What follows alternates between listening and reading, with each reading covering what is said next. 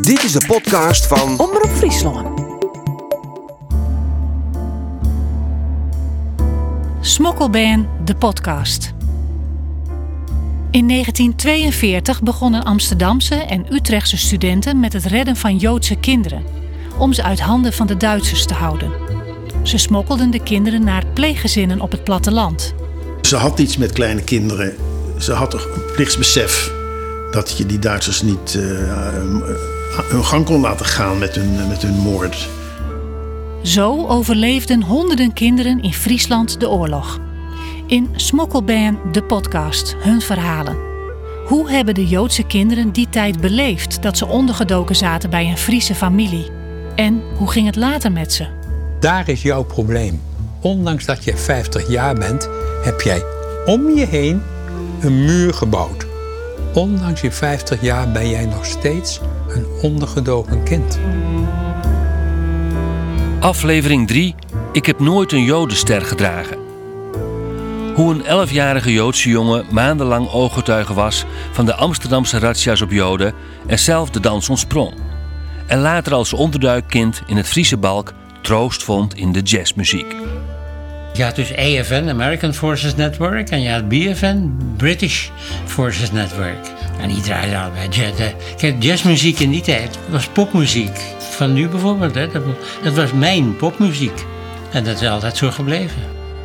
Mijn naam is Gerard van der Veer. Samen met collega Karen Bies maak ik de podcast Smokkelbear.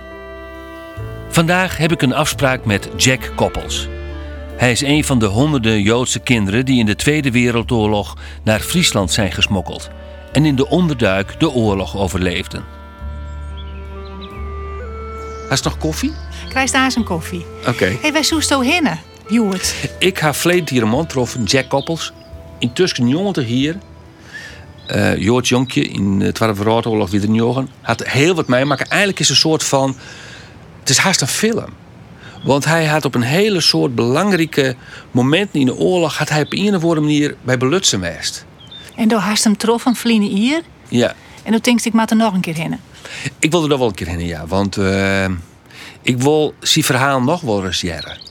En misschien komt er nog veel meer los nog. Dus uh, het is een hele interessante man. Hij had de, de oorlog heel bewust meemaken als Joods onderzoek ben. Dus ik ga uh, er nog doen om dit nou te gaan.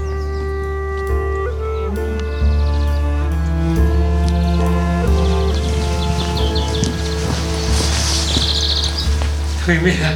Goedemiddag. Goed, kom binnen. Ja. Je bent alleen?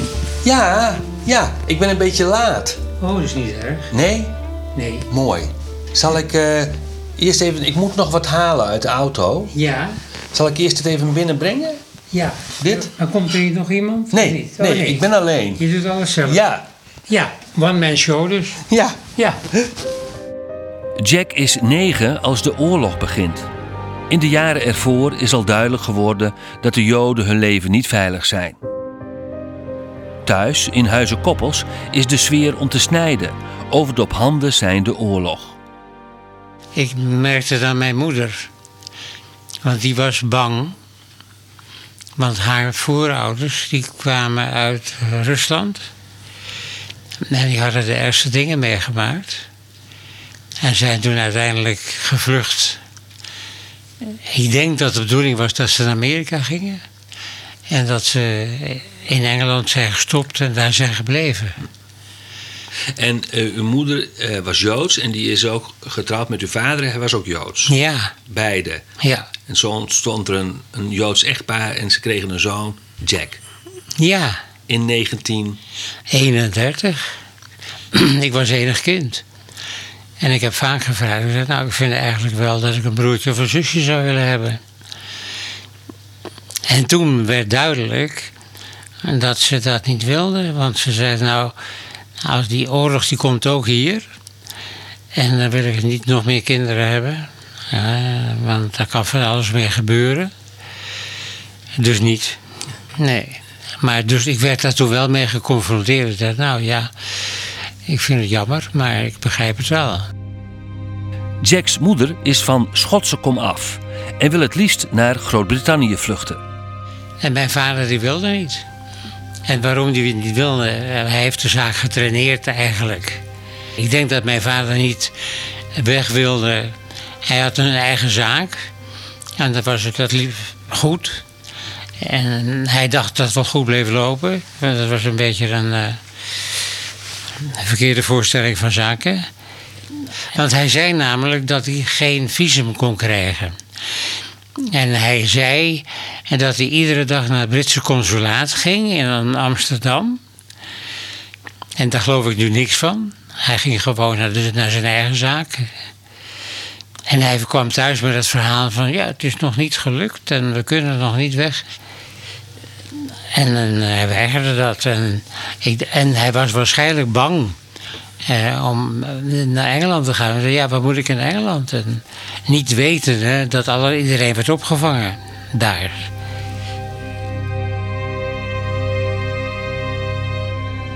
Maar op 15 mei 1940, de dag dat Nederland capituleert, doet Jacks vader toch een halfslachtige poging om te vluchten. Met vrouw en kind hoopt hij in IJmuiden op het schip naar Groot-Brittannië te kunnen komen. Er was een grasveld voor, weet ik nog wel. En er waren heel veel mensen die ook allemaal weg wilden. Meest Joden, denk ik. En uh, wij daar ook. En toen kwamen er nog Duitse vliegtuigen overheen. Toen moesten we op ons buik gaan liggen. En want ze waren bang voor, uh, voor bombardement, voor bommen. En die boot die, uh, ik denk dat dat daar buiten de sluis was, want die kapitein die stond op de brug, hij had een megafoon. En die zei, we kunnen niet stoppen vanwege bommengevaar. Maar jullie worden uh, opgehaald en jullie kunnen op zee aan boord komen. Nou, uh, opgehaald waarmee? Ja. Met kleine nou, bootjes of zo? Er lagen toen lag een heel flotilje van Engelsen van de, van de, de Royal Navy. Um, motortorpedobootjes. En er waren kleine bootjes, maar ja, er lagen een heleboel. Dus er konden wel mensen op en mee. En ik was bijna meegekomen. Ik was bijna meegegaan. Want ik viel, ik viel bijna naar beneden. Het is een hele hoge kade daar in IJmuiden. En die bootjes lagen naar beneden. En, en nou, ik was wel nieuwsgierig. Ik wilde wel zien uh, wat er aan de hand was. En ik ben dus uh, onder al die benen doorgekropen van die mensen die daar stonden te wachten. En toen kwam ik vooraan. En toen boog ik dus inderdaad over. En dacht, nou, dat was.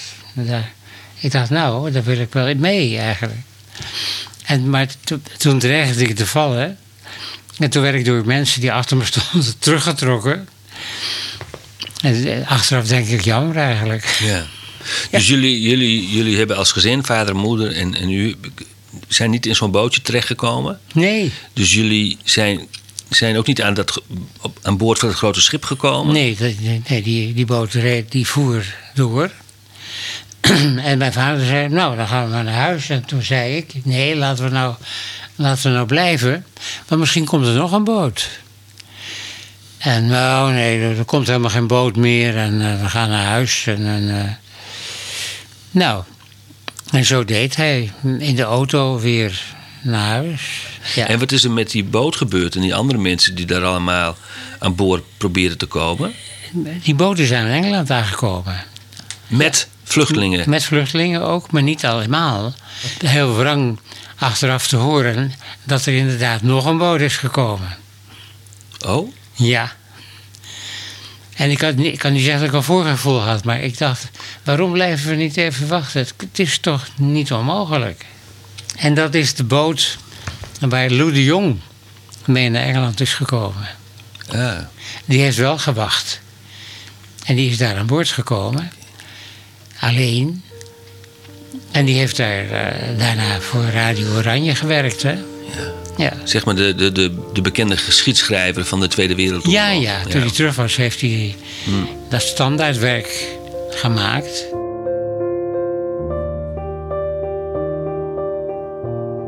Ik kan me voorstellen dat, uh, dat uw moeder, uh, dat uw vader ook wel kwalijk nam dat die vluchtpoging mislukte. Voelde, nee. u, voelde u daar ook iets van in huis? Nee. Oh. Mijn moeder had niks te vertellen. Mijn vader was dus een hele dominante persoon. Ook voor mij. En, en nou ja, mijn moeder schikte zich dus in haar lot. Mijn moeder wist wel wat er ging gebeuren. Ja. En die heeft het ook uh, wel laten, laten merken. En mijn vader die wou die wijf alles weg. In 1942 krijgt de familie Koppels het bevel hun huis in Naarden op te geven en naar Amsterdam te verhuizen.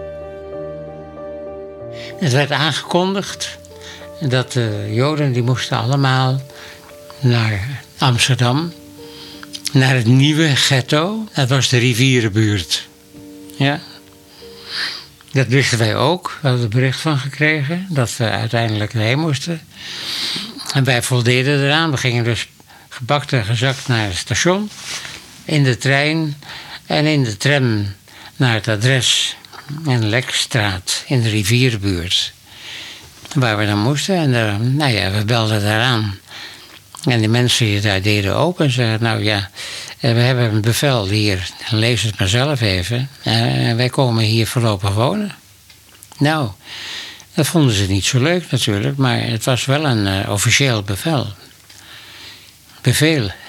En het waren ook Joden die daar ja. in die woning woonden? Ja. En jullie moesten daarbij intrekken dus? Daar moesten we intrekken. Ja. Maar kort nadat jullie dus weer in Amsterdam terugkwamen... begonnen ook de razzia's, hè? In, Ja. in, in, in juli 42. Zoiets, in, Ja. de, in de zomer.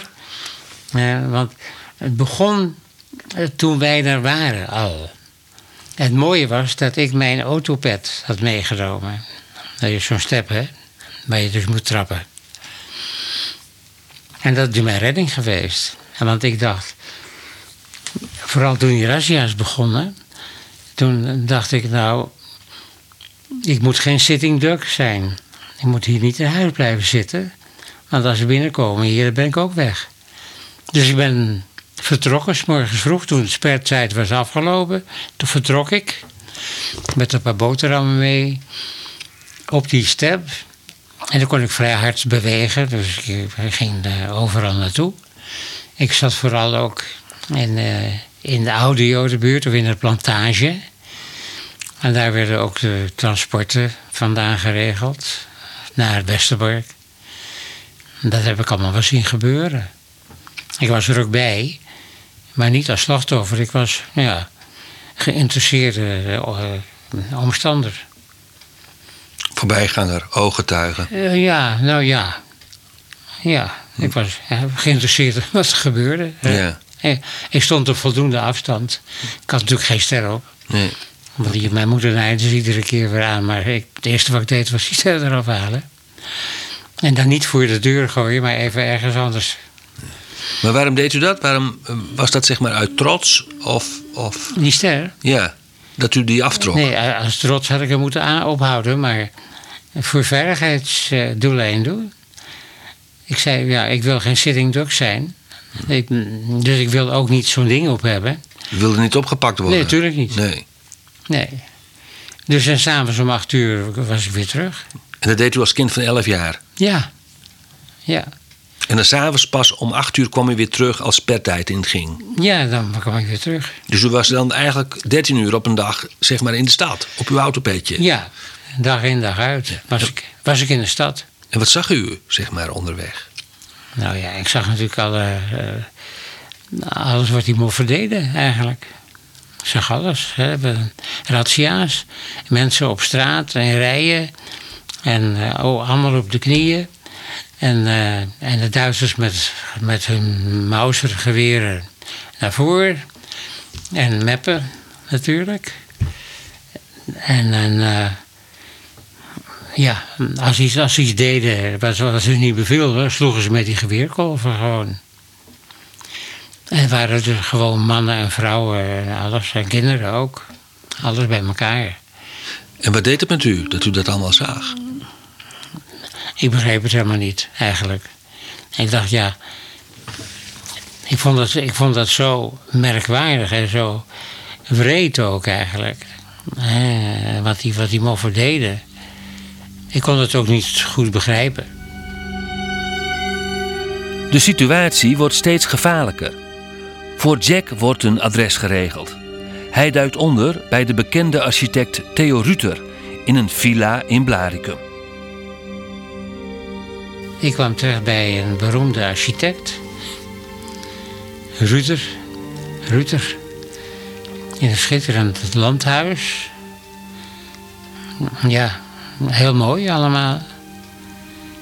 En ik was toen de enige onderduiker. Er kwamen meer, steeds meer onderduikers. Hoeveel?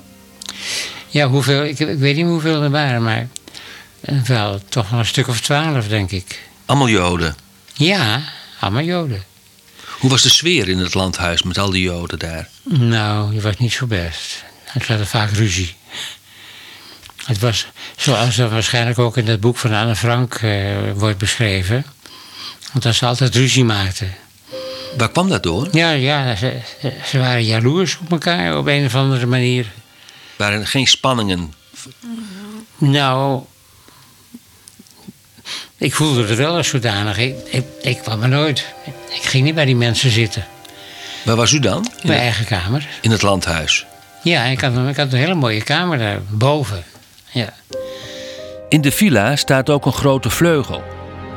Als Ruter erachter komt dat Jack piano kan spelen, krijgt hij de opdracht s'avonds voor hem concertjes te geven.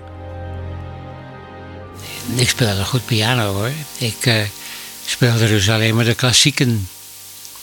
En dat moest ik ook voor die heer in Blaricum. Die zat dan inderdaad met de ogen dicht te luisteren s'avonds. Dan moest ik dus een concertje geven. Altijd Beethoven, Bach, Mozart, Haydn.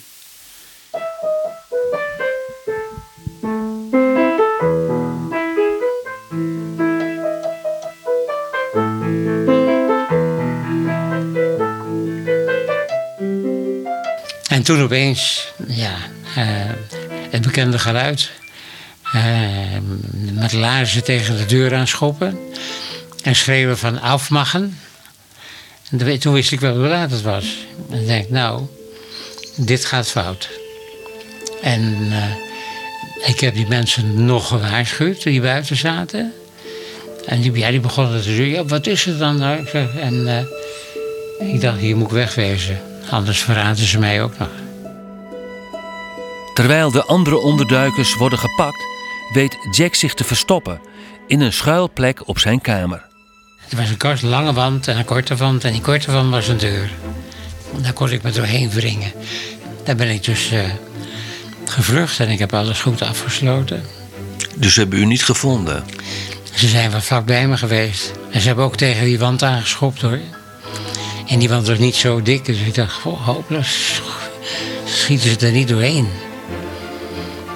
En, eh, maar ik hoorde ze ook wel zeggen dat eh, eh, die kamer er is keiner, keiner, nee, niemand. niemand. Nee, ik was natuurlijk eh, toch wel doodsbenauwd. Eh, je zit in een hok waar je, waar je daar niet meer uit kunt. Maar goed, dat was veiligheid. Maar u dacht van straks pakken ze me. Ja, ik dacht, ja, eh, kan ik het hier volhouden? Als ik eruit kom, gaat het fout. Dat, dat, dat- wist ik wel, dat overleef ik niet. Dus toen bleef ik erin. Ja. Wat is er met die andere Joodse Die onderduikers? zijn allemaal, allemaal opgepakt. Allemaal opgepakt. Ja, twee hebben zelfmoord gepleegd. Maar die hadden erop gerekend. Er was een eh, arts uit Blaricum met zijn vrouw. En die hadden pillen. Gif. En die hoorden de Duitsers binnenkomen. En die hoorden de Duitsers schreeuwen en binnenkomen. En die wisten, nou is het moment gekomen. En die waren al dood. Die zaten ook boven, ook op hun kamer. Die zaten ook op een kamer. En, en, eh, de, en de rest is meegenomen. Jack weet in de nacht te ontkomen. Enkele maanden later wordt hij naar Beverwijk gebracht, naar een volgend onderduikadres. En Beverwijk was leeg. Het was vanwege de Atlantikbal geëvacueerd. Dus ik kwam in een leeg huis. Met niks. En daar moest ik blijven. En, en Beverwijk was een en al Duitsers. Een en al Duitsers. Gewone weermacht. Duitsers, geen Grünpolizei. Dus een soort garnizoenstad eigenlijk van de Duitsers. Eigenlijk wel. Maar in garnizoenstad wonen ook nog wel eens eh, burgers, maar die waren er niet meer. Dus u zat eigenlijk boven op de vijand. Ik sta boven op de vijand, ja. Maar waarom bracht het verzet u naar Beverwijk? Waarom brachten ze u daar naartoe? Omdat het waarschijnlijk veilig was met al die Duitsers. Dat waren dus militairen. Eh, die dus een militaire functie hadden en niet een ordnungspolizei of zo. En het mooie was, ik heb het me toen wel naar het zin gemaakt. Want het was naast een bioscoop en die heette Luxor. Dat weet ik nog. En ik kon. Die, die, die, het was een vrij hoog gebouw, die bioscoop. Maar als ik dus inderdaad naar de zolder van het huis liep. Was, er- was daar een raam, dan kon ik er open, dan kon ik naar buiten op het dak. En dan kon ik door een ander raam wat altijd open stond, naar binnen in die bioscoop kijken. En in die bioscoop gebeurde alles. Allemaal evenementen voor die troepen. Feesten. Feesten, ja. En ook, ook muziek, hè, bands. Er kwamen bekende bands kwamen daar spelen. En, en eh, het was iedere keer wel wat anders. En ik zat daarboven, heel voorzichtig, naar beneden te kijken. En ik kon alles meemaken.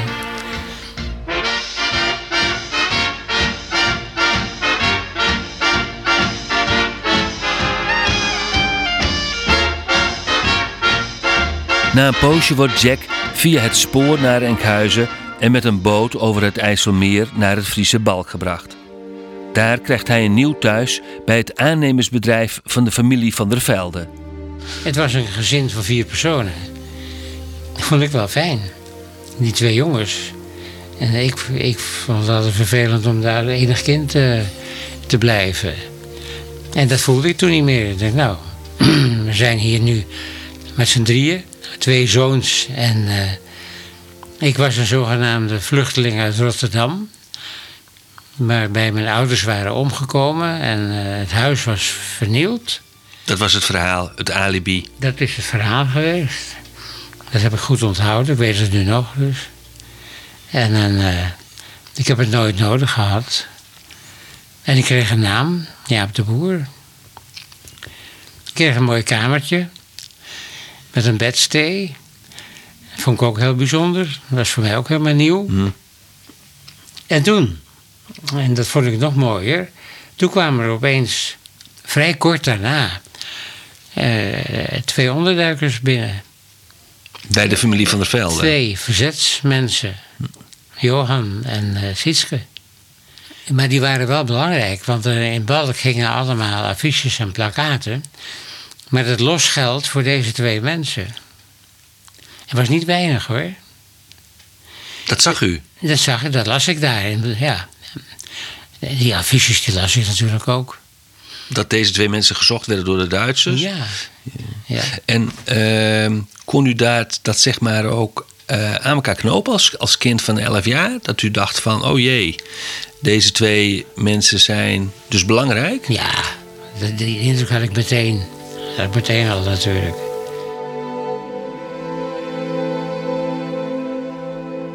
Samen met Sietske en Johan luistert Jack vaak naar radio-uitzendingen van British Air Forces en American Air Forces.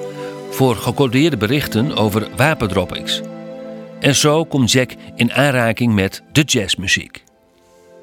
Ik kwam toen in aanraking met Amerikaanse jazzmuziek. En ik wist niet wat ik hoorde op dat moment. Ik dacht, nou, jeetje, wat is dit? Ja, dit is het dus, dacht ik. En ik had die radio de hele dag ter beschikking. Ik moest wel opletten dat, dat er geen Duitsers op het erf kwamen. Maar ik had, je had dus AFN, American Forces Network, en je had BFN, British Forces Network. En die draaiden allebei jazz. eh, Kijk, jazzmuziek in die tijd was popmuziek. Van nu bijvoorbeeld, hè, dat was mijn popmuziek. En dat is altijd zo gebleven. Daarom ben ik ook zelf jazzmuzikant geworden. Hè? Eigenlijk daardoor, ja.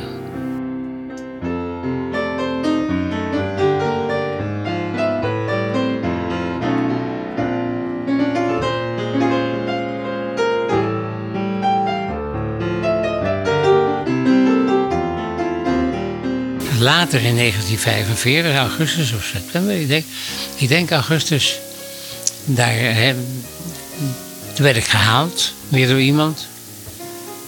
En die zei, nou, we gaan je naar huis brengen. Hoe was het om weer bij elkaar te komen? Als gezin? Hoe kwamen we hier bij elkaar? Ik vond het helemaal niks. Ik was natuurlijk zo gewend aan de Van der Velders. En hoe het daar was. Met al die mensen en die twee verzetslieden en de zoons. Eh, waar ik ook goed mee overweg kon. Jan en Roel. Ja, dat was natuurlijk een, uh, een overgang. Was, was geen prettige overgang voor mij hoor. Maar terugkijkend vond ik de periode na de oorlog veel moeilijker dan in de oorlog. Die onderduik was voor mij een, het klinkt heel gek, maar een hele mooie periode wat dat betreft. Ja. Ik was bevrijd en ik was, ik was bij mensen terechtgekomen en die het belangrijk vonden dat ik zou overleven.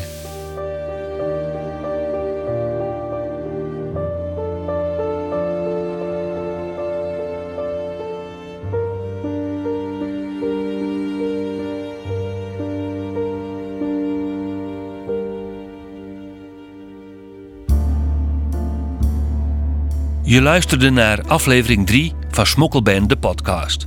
Gemaakt door Karen Bies en Gerard van der Veer. De muziek is van Johan Johansson en van de Silk Road Ensemble met Jojoma. Montage Harry Zwerver, technische hulp van Steven Scholte en Martin Wiebega. Vormgeving Hugo Bosgraaf, online redactie Marijke de Boer. Smokkelbaan is niet alleen een podcast, er is ook een serie tv-documentaires van Friesland Doc. Kijk daarvoor op omroepfriesland.nl slash frieslanddoc. Smokkelbaan wordt gemaakt door Omroep Friesland en Stichting De Verhalen. In samenwerking in het project De Terugkeer van de Joodse Kinderen. Abonneer je op Smokkelbaan, de podcast, via iTunes, Google of Spotify. Dan krijg je elke keer een seintje als er weer een nieuwe aflevering is.